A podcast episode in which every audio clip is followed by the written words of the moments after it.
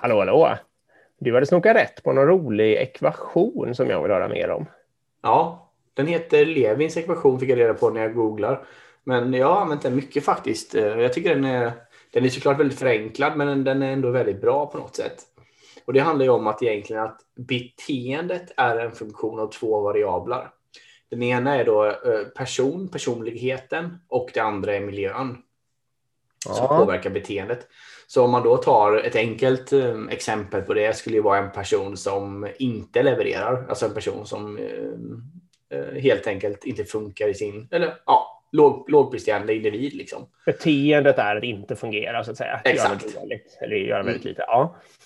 Precis, vi kan ta en chefsroll. Beteendet funkar, han, personen, hon funkar inte i en chefsroll. Mm. Och då finns det två olika variabler. Då. Antingen är det liksom miljön. Det kan vara då att den här gruppen eller den här delen av organisationen passar inte. Men däremot om man skulle flytta den här personen till en annan del av organisationen så skulle den personen kunna flyga jättebra. Ja. Liksom. Um, så det kan vara en anledning. Eller att den personen kanske blir en jättebra chef i en annan organisation. Det behöver inte vara så bara för att personen är dålig Aha, i den kontexten och miljön man är nu så är personen dålig överallt. Liksom. Ja. Det är det som är själva tanken.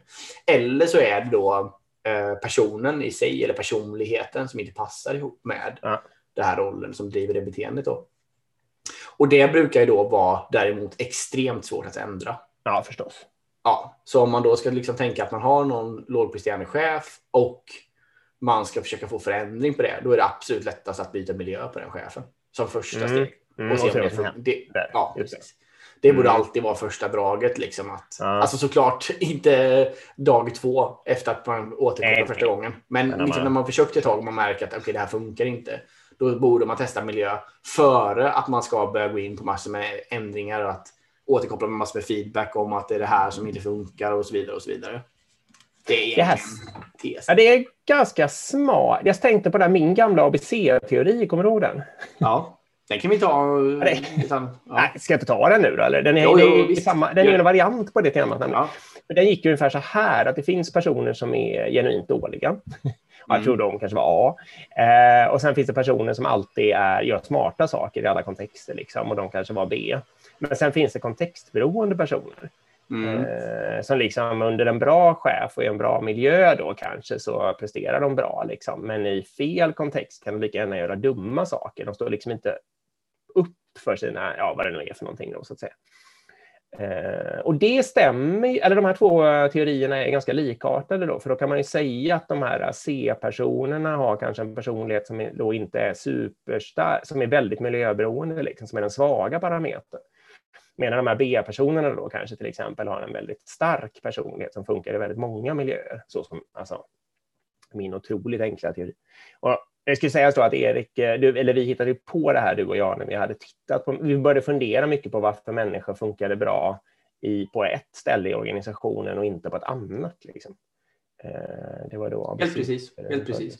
Och där är ju miljön många gånger, eh, alltså du har till exempel en förmåga att få chefer att flyga under dig.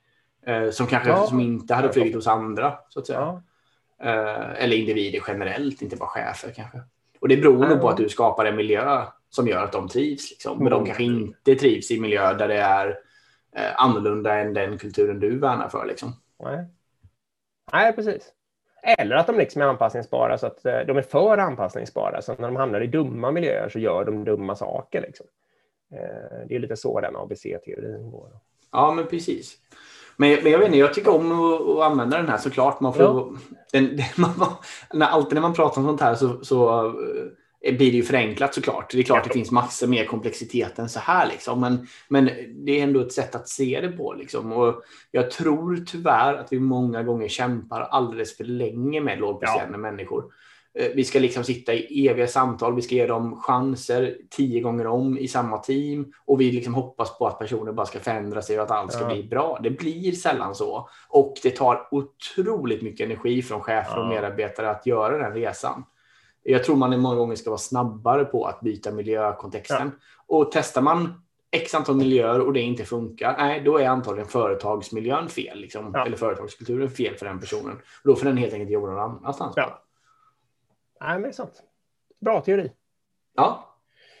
Eh, vad hade du för bokstäver på det här då? B lika med en funktion av eh, E och P, va?